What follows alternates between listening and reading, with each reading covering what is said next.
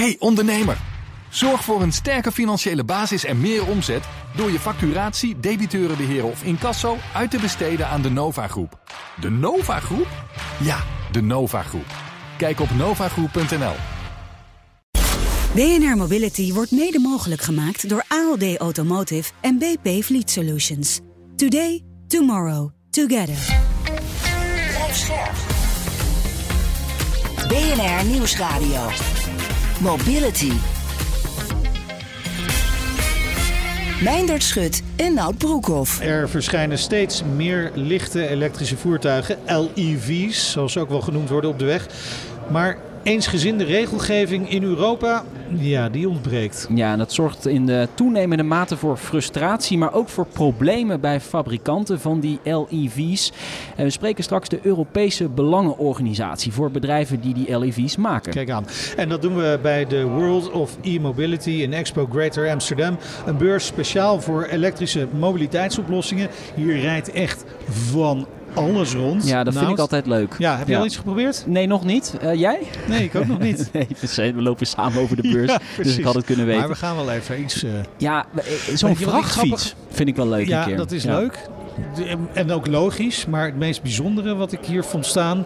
is een soort fietsboot camper. Ja, dat, dat was een hele rare creatie. Ik, ik, ik vind hem ontzettend leuk. Maar Ja. ik denk echt dat niemand zoiets koopt. Dat? Ik denk echt dat die makers het speciaal voor zichzelf hebben gemaakt. Ja, maar hij staat hier wel. Hij staat er wel. Je Het kunt is hem kopen. een heel Ja. geestig ding. Ja, maar goed. geestig, maar ook een, een vreemd ding. Ehm, ja, voeg zo'n beurs nog iets toe, vraag ik me dan af. Ik, Eh, ja, ik denk het wel. Ik- Ik, denk het ja. wel, omdat je allerlei oplossingen ziet. En heel veel partijen komen met hun eigen oplossingen. Hè? En uiteindelijk eh, zal misschien niet alles overleven. Maar het is wel interessant om te zien wat er allemaal gebeurt. Wat er allemaal mogelijk is. En daar kun je dan eh, uit cherrypicken en misschien met elkaar afspraken maken. Het is toch, toch veel aanbieders die elkaar hier ontmoeten. Zeker. En heel veel cargo-gerichte Ja, dingen. Dat, ja. dat viel me op. En het feit dat je hier kunt rondrijden, rondracen met die dingen. Dat is natuurlijk ook wel leuk. En Ja. overdekt, dus niet in de regen. Ja, en één grote vraag met al dit soort eh, mobiliteitsoplossingen, elektrische mobiliteitsoplossingen, is natuurlijk het laadvraagstuk, eh Nout. Ja, ja, ze moeten allemaal opgeladen Ze worden. moeten allemaal opgeladen worden en dat geeft natuurlijk een weerwar aan snoertjes in de stad straks als alles in die mobiliteitshubs eh, staat. Willen we niet. Nee, dat willen we niet en daarom komt eh, Electric met een wereldprimeur. Presenteert een draadloos laadsysteem voor elektrische scooters en bakfietsen. Terence Carter is eh, oprichter van Mego Mobility of Migo Mobility. Bedrijf waaruit dan Swell Electric weer is ontstaan. Fijn dat je er bent Hartstikke bedankt. Dat laadsysteem, dat hebben we net bekeken. Dat, dat staat gewoon op de grond. Hoe, hoe werkt dat nou precies? Op het moment dat je de scooter boven de oplader plaatst, dan start eigenlijk automatisch het laadproces. En dat gaat eh, over de lucht, dus met een eh, afstand van 10 centimeter tussen het voertuig en de laadtegel. Eigenlijk vergelijkbaar met je elektrische tandenborstel. Alleen hier zit inderdaad wat lucht tussen. Ja, daar kan je het mee vergelijken. Ja, Ja, het is inductieladen, noemen we het. Ja, het, Is een, het is een variatie op het inductieladen dat we kennen. Dus we hebben iets meer bewegingsruimte qua uitleiding tussen de spoelen. Want dat is bij een tandenborstel is dat eh, vrij cruciaal. Ja, Eh, wij hebben wat meer ruimte. ja, ja. Je praat er echt heel simpel, maar je bent er al even mee bezig. Ja, Dit heeft, eh, deze ontwikkeling heeft ons nu 2,5 jaar geduurd. ja. En eh, zoals je aangaf, dat komt eigenlijk voort uit, uit Mego. Eh, Mego is een deelsysteem eh waarin we hubs hebben gerealiseerd rondom de steden. En we zijn nu in Amsterdam bezig en we hebben een pilot in Rotterdam gedaan. En dat is eigenlijk voor de werkende bezoeker van de stad. Loodgieters, bouwvakkers. Juist, ja. Die eh, komen er in 2025 komen ze er niet meer in met hun dieselbus. Maar zijn wel hard nodig voor de binnenstad eh, om die functionerend te houden. Een van die dingen die wij zagen is inderdaad de uitdaging met betrekking tot het opladen van de voertuigen. En daar zijn wij zelf niet de enige in. Dus wisten we dat er meerdere partijen met datzelfde probleem kampen. Denk aan logistieke partijen zoals PostNL. Die, die met verschillende voertuigen de pakketten voor de last mile delivery eh, doen. Maar ook deelmobiliteitsaanbieders zoals Felix of Check. Waarin er nu veel frustratie vanuit gemeentes komt en andere buurtbewoners. Die eigenlijk ehm, aangeven, ja, wat doen we nou met die scooters die overal her en der in de stad worden geparkeerd. Stoepen, blokkeren, et cetera. Ja, dat ziet er niet uit en eh, dat willen we eigenlijk niet. vind- je- ik vind ja. parkeren nog een net woord hoor. Soms worden ze gewoon neergekwakt ergens.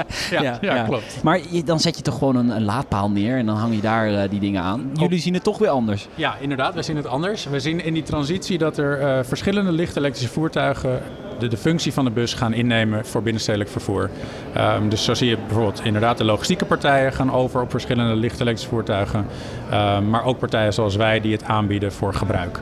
Dan zijn er inderdaad laadpalen voor auto's beschikbaar. Uh, alleen vanuit veiligheidsperspectief is het niet uh, mogelijk om je lef zeg maar, daarop aan te sluiten. Omdat er geen vergrendeling zit aan de voertuigzijde. Oh. Dus op het moment dat je, je je auto in de laadpaal steekt, dan wordt het vergrendeld. En op het moment dat het laadproces stopt, dan gaat die vergrendeling eraf en dan kan je hem eraf halen. Bijvoorbeeld een Biro, een voertuig dat wij ook aanbieden in ons deelsysteem. Dat is gewoon met een normale AC-kabel. Dan zit er een adapter tussen dat je hem op de laadpaal aansluit. Maar aan de voertuigzijde zit niks, dus je kan er altijd uittrekken. En omdat het niet een slim systeem is, blijft er spanning op de kabel staan. Nou, met alle gevolgen. Dus levensgevaarlijk. Ja. ja, ja. Dus zo'n dat inductieladen kan dat dus oplossen? Ja, je hebt, je hebt geen kabels uh, meer nodig. Het is een draadloze oplossing. En dus ook contactloos, want we werken met een afstand van 10 centimeter tussen de zender en de ontvanger. Ja, dus geen losse kabels, eh, hoe dat nu gaat. Maar verlies je daarmee niet ook gewoon een hoop energie doordat er dus die luchtlaag tussen zit? Nee, dat valt. Nou, gelukkig is het ons gelukt dat dat uh, reuze meevalt. Ja, ik snap wel dat Meindert het vraagt. Want dat is altijd bij inductieladen is altijd ja, daar veel energieverlies. Dus daarom bijvoorbeeld dat autofabrikanten er nog niet groots op inzetten. Ja, nee, klopt. Wat ons is gelukt is dat dat om dat te compenseren. En wij zitten nu op een efficiëntie van zo'n uh, iets meer dan 85 procent. En um, dat betekent dat wij, we hebben het nu getest met de scooter, met de huidige oplader die wordt gebruikt. En dan wordt er op een scherm aangegeven wat dan nog de resterende laadtijd is. Uh, die is hetzelfde als met onze inductielader als met de huidige adapter. Er wordt gesproken over een, een wereldprimeur hier uh, ja. in vijf huizen in, in Haarlemmermeer. Ja. Um, waarom is dit een wereldprimeur? Wat maakt dit zo uniek? Ja, het unieke aan onze oplossing, en dat is wederom uh, terug naar, uh, we zien in die transitie, je gaat over naar een combinatie van licht elektrische voertuigen.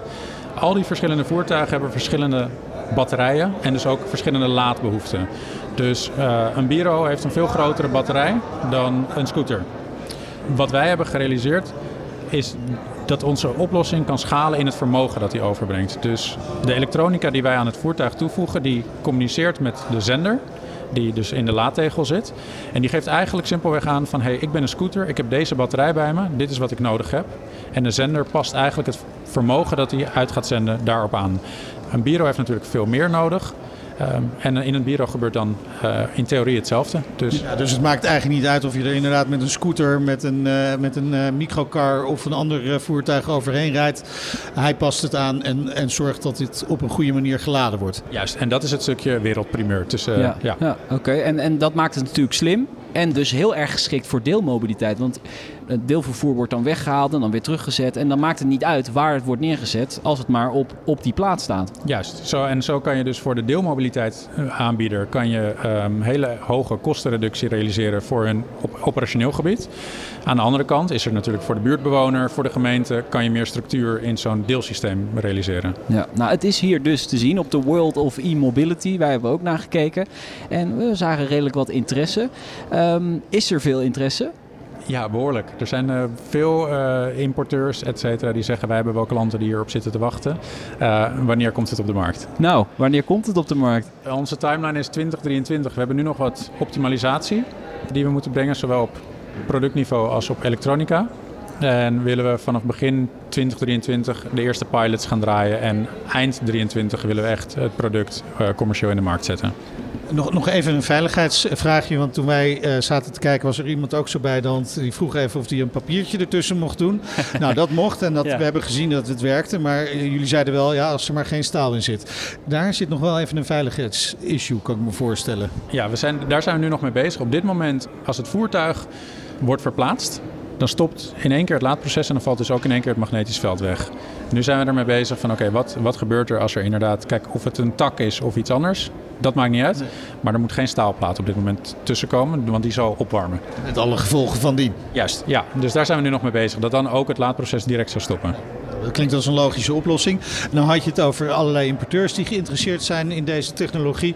Maar als je met bijvoorbeeld gemeentes praat, dan is het het buzzword op dit moment, dat zijn hubs. En jullie hebben het ook over hubs, sterker nog, uh, Plus Hub. Uh, het zit in jullie naam uh, verwerkt. Merk je ook vanuit die kant, vanuit overheden interesse? Ja. Ze maken allemaal hartstikke mooie animaties en met, met ja. een gebouw en er gaat alle deelmobiliteit in. Mensen kunnen het uithalen en er staat eigenlijk altijd staan er van die inductieladers in.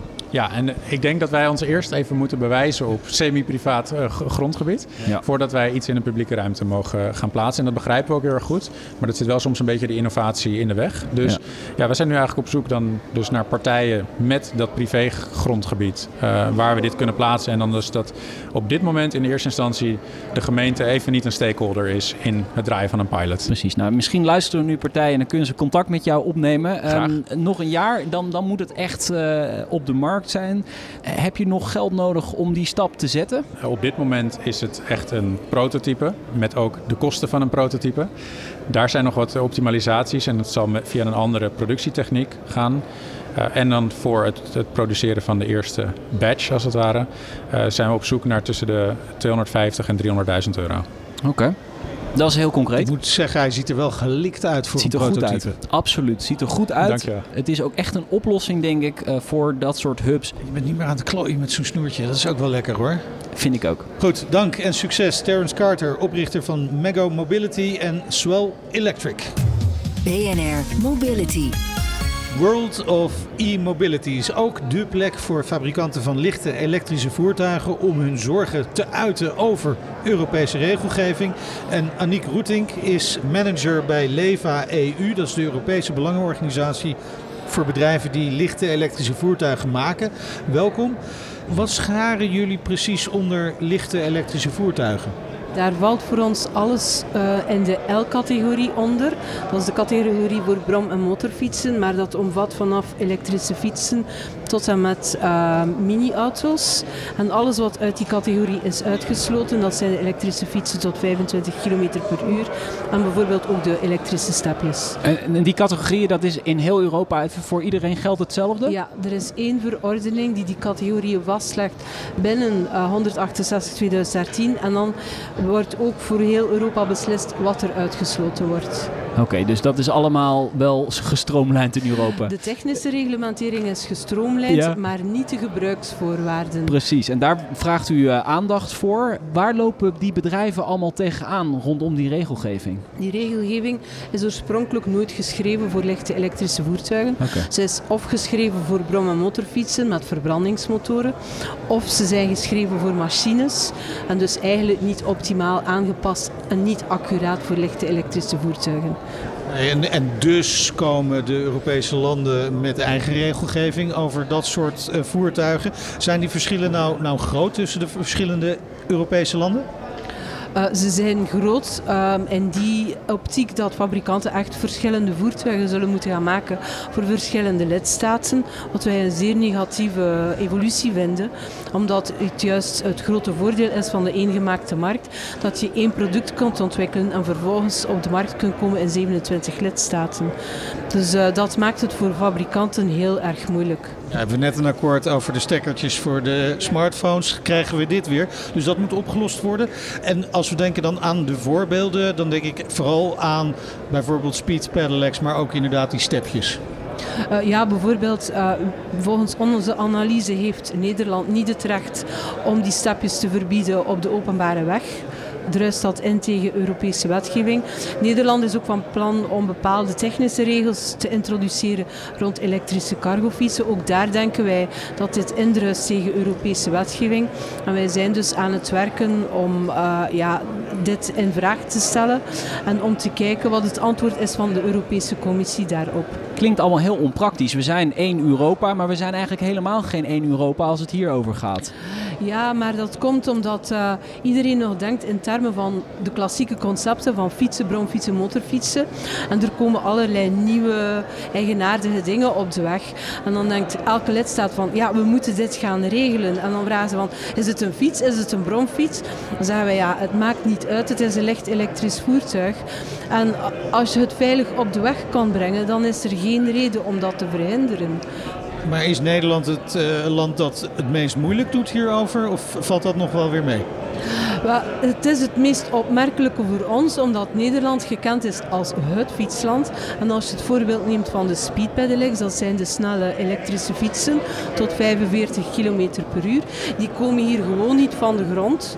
Uh, gewoon omdat de, de, Nederlandse wetgeving het tegenwerkt. Terwijl in België is er wel gewerkt aan een wetgeving die gunstig is voor speedpedelecs. En het gevolg is dat België marktleider is op het vlak van speedpedelecs. En die speedpedelecs worden vooral gebruikt om te pendelen, om naar het werk te gaan. Dus daar zit een groot potentieel. En Nederland maakt daar totaal geen gebruik van. Wat voor ons eigenaardig is, omdat Nederland algemeen bekend staat als fietsland. Er moet wel even duidelijk gemaakt worden, want van de stepjes dat weten we. Maar ik zie toch die speedpedelecs ook wel rondfietsen in Nederland.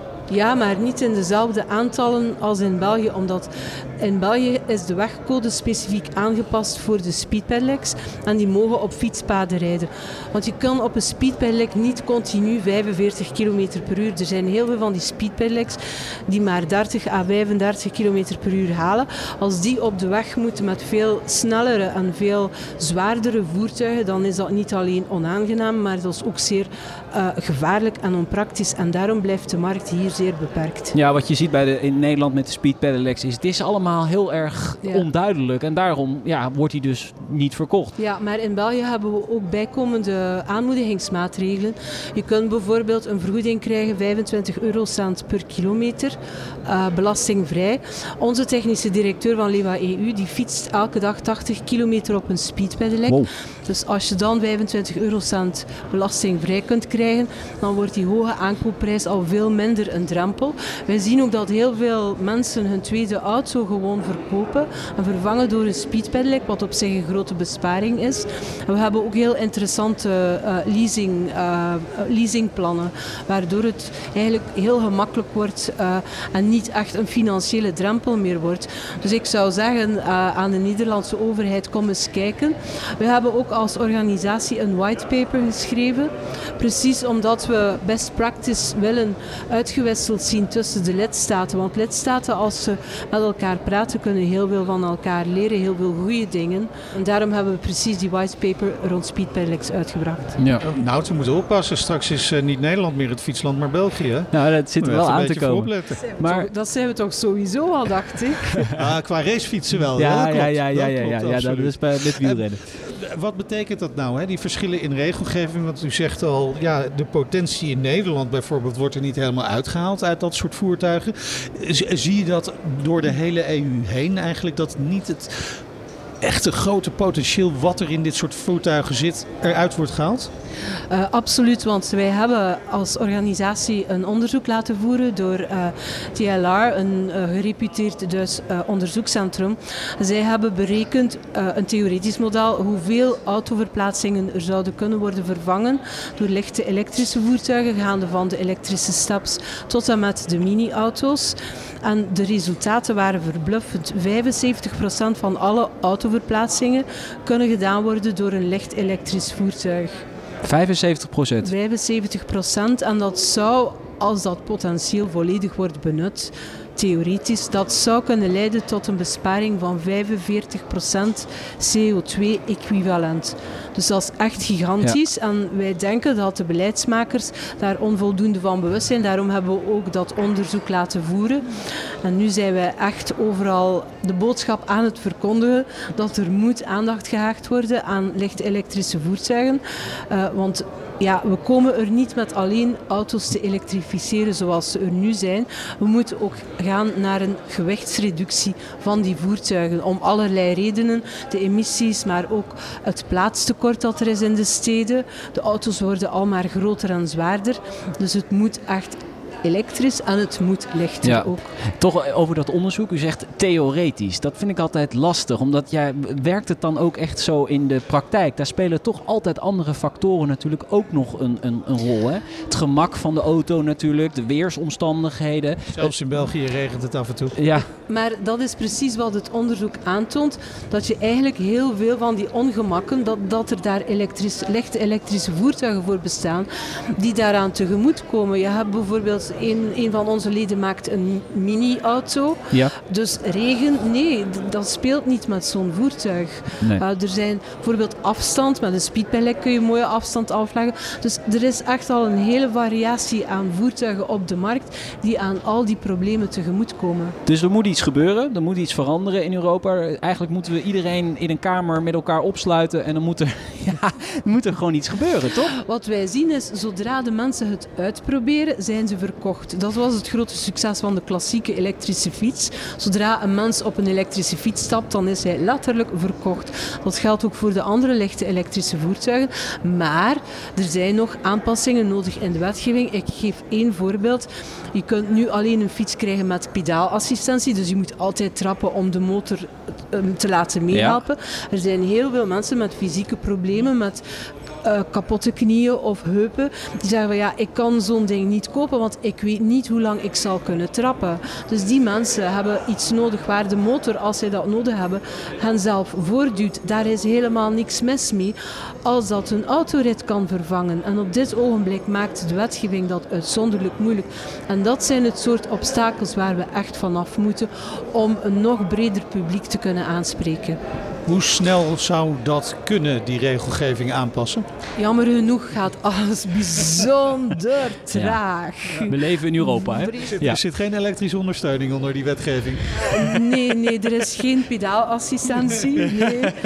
Um, ja, wij hopen dat door dit onderzoek de bewustwording er nu zal komen.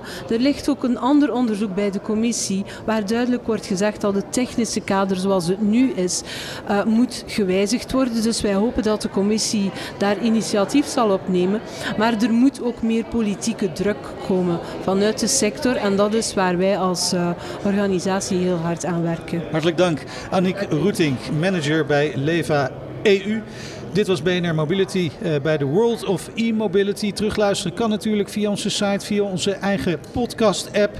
Maar ook via Apple of Spotify of waar je het ook wil luisteren. Zeker weten. Vergeet je dan vooral niet te abonneren. Kan ook gewoon als je in België woont. Of waar dan ook. Heb je nieuws of andere verhalen voor ons? Mail naar mobility.bnr.nl Het is ook echt leuk om te luisteren als je even aan het fietsen bent. Bijvoorbeeld. Ja, ja zeker. Ik ja. ben Meijnerd Schut. Ik ben Nout Broekhoff. Tot volgende week. Doei. BNR Mobility wordt mede mogelijk gemaakt door BP Fleet Solutions en ALD Automotive. ALD Automotive. Ready to move you. Hey ondernemer, zorg voor een sterke financiële basis en meer omzet door je facturatie, debiteurenbeheer of incasso uit te besteden aan de Nova Groep. De Nova Groep? Ja, de Nova Groep. Kijk op novagroep.nl.